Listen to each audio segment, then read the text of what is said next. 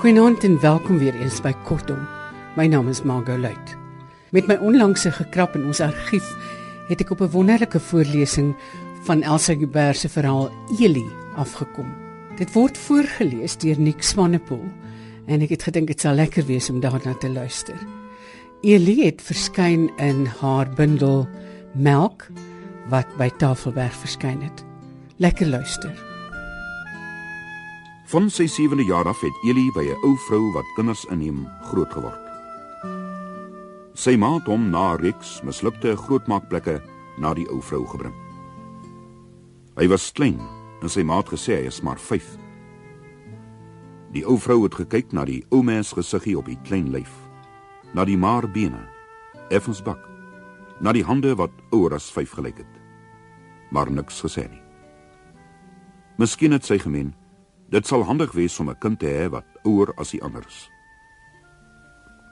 Maar hy was nie handig nie. Hy was slie. Nie dat hy die ander kinders se kos gevat het of dat hy die ander afgeknou het of selfs die werkies wat sy af en toe aan hom opgedra het afgeskep het nie. Maar die ou vrou kon voel daar is iets in hom wat my keer. Die vermoë om saam met kinders te kan verkeer. By 'n gebrek aan 'n ander woord het sy gesê Hy is slie. Sy sou al lankal gesê het sy het nie meer plek vir hom nie. Was dit nie vir Naomi, sy ma, se stem nie? Want die ou vrou en Naomi het tot dieselfde sekte behoort. En 'n groot vreugde was dit in die saakie sondaande as die koorsing en die sterk stem van Naomi die hoogtes uitklim op daardie eenaardige noot wat skynbaar net sy kon hou. Af en toe het sy by die ou vrou aan huis gekom gewoonlik so teen die middel van die maand as hy kom regmaak. En dan met die gees haar soms in die sitkamertjie gevat en het sy daar ook gesing. Vir die sing het die ou vrou die kind laat aanbly. Elie het teen die kusyn van die kombuisdeur gestaan en luister. Dit was altyd dat hy belangstelling in iets getoon het. As die groot bors van sy ma uitstoot soos hy die lug intrek en die kop agteroor gegooi word en die klank begin uitstroom. Soms het sy skoon in 'n beswyming geraak, die kop agteroor en die oë toe. En nadat die nood verdwyn het, nog steeds met die oë toe soos 'n beeld daar gestaan het. Dan het sy haar kop geskud asof sy uit 'n droom kom. Haar lippe gelek en weer rooi gemaak en sonder om notisie van die kind te neem, geloop. Toe die seun 14 was, het die ou vrou op laas gesê sy kan hom nie meer hou nie. Hy is te groot vir die ander kinders en hy wil nie skool gaan nie. Eintlik wou sy nie erken dat hy dikwels daar lank wegbly en dat sy nie langer vir hom aanspreeklik sou wees nie. Sy pa het in die tyd teruggekom na sy ma, na verbintenisse met ander aan albei kante en hulle het weer begin saamwoon. Omdat hulle 'n kamer te huur gekry het by familie, het Naomi Eli by haar ingeneem.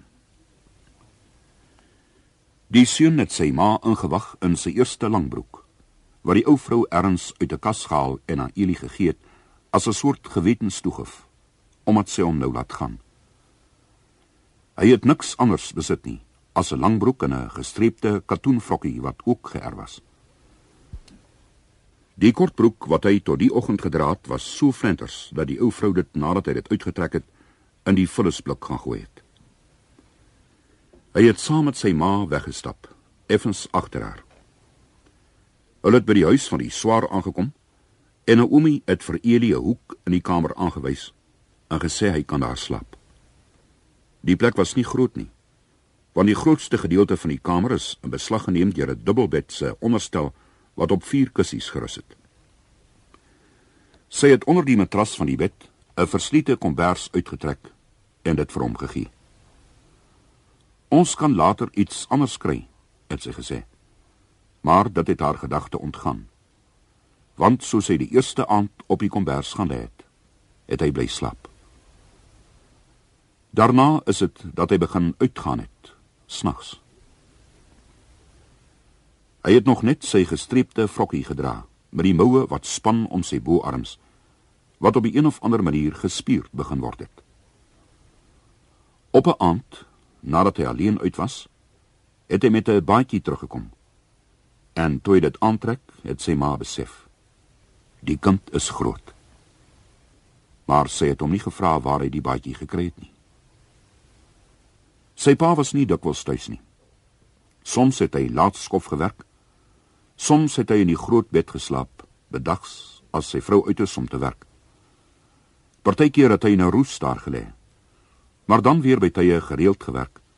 En Vrydag aande vir Naomi die geel koevertjie met sy loon daarin gebring.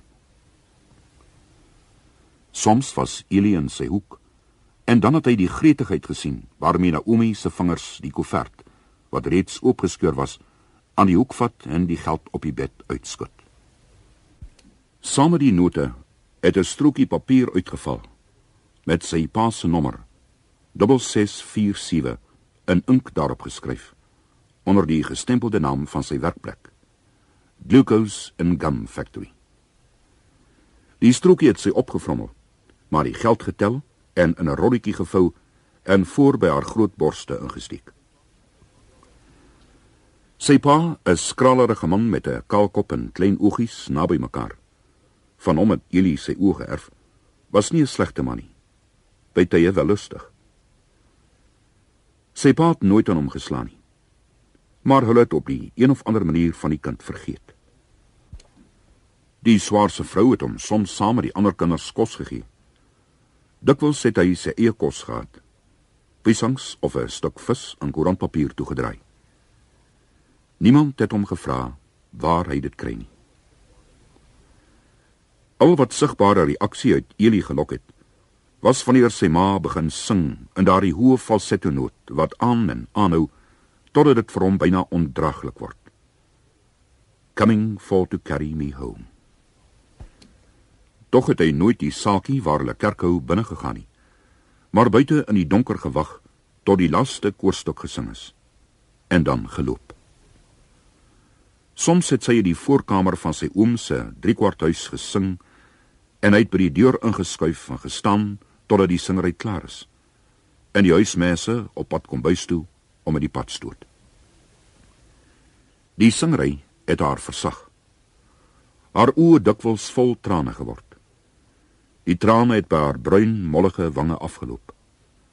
Sy het hulle met die agterkant van haar vet hande afgevee en haar hande oor die geel trui wat die groot borste verberg het gevee sodat daar klein spikkels nat aan die wol by sit het. Somstyds moes hy die nattigheid opsnuiwe voordat sy verder kon sing.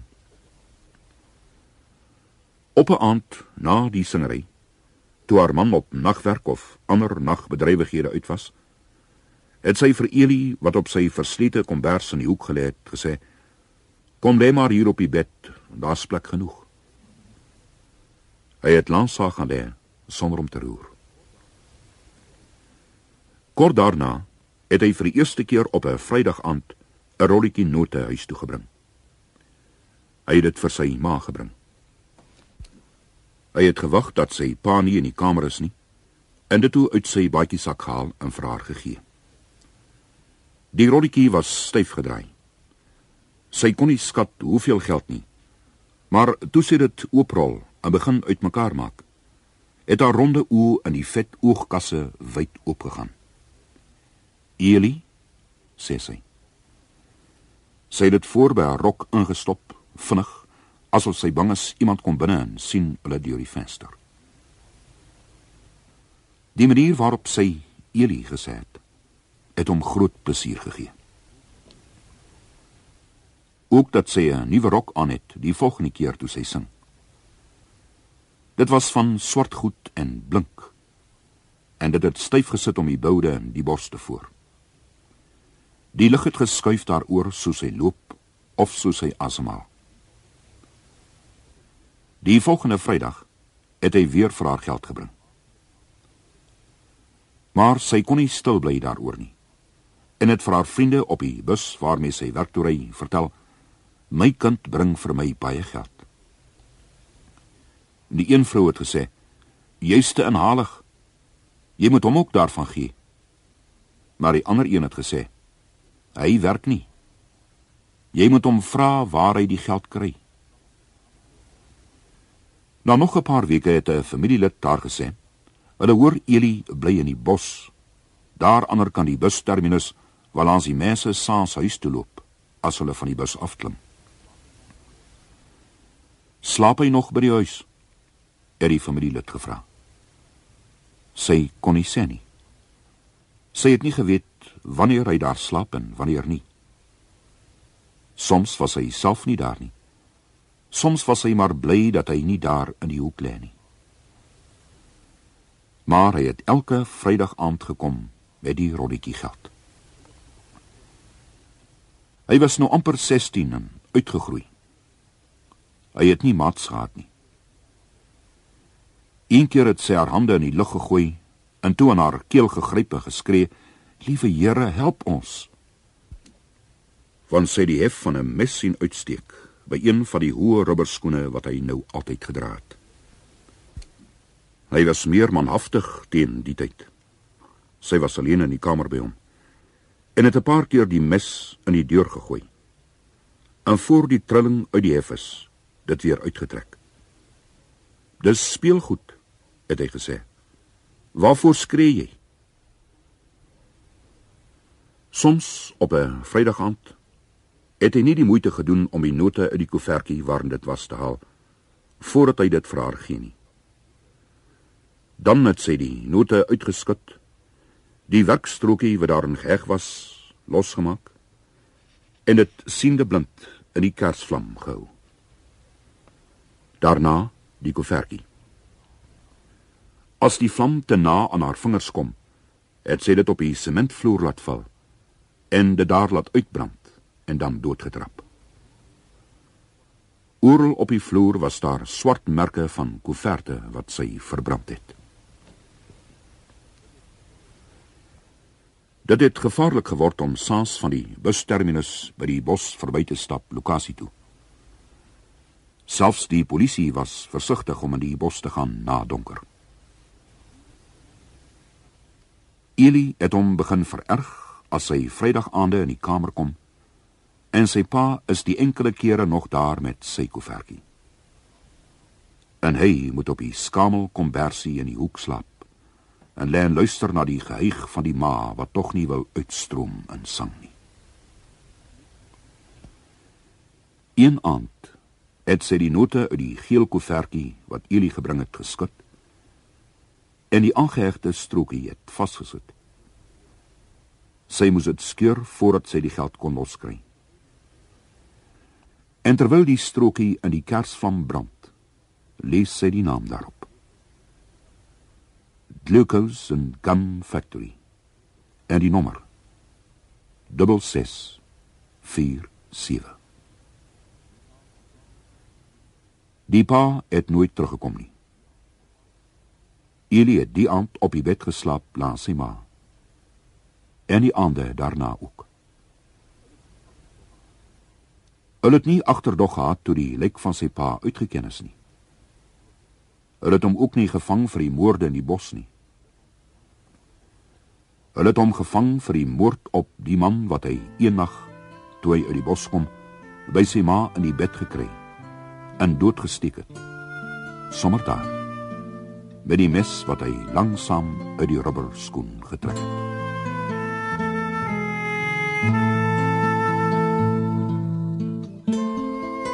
Dit was 'n voorlesing deur Nick Swanepoel van Elsa Huber se verhaal Eli wat in haar bundel Melk verskyn het. Melk is 'n publikasie van Tafelberg. Van my Margot Luit alles van die aller aller allerbeste. Tot volgende keer. Mag dit met ons almal baie goed gaan. Totsiens.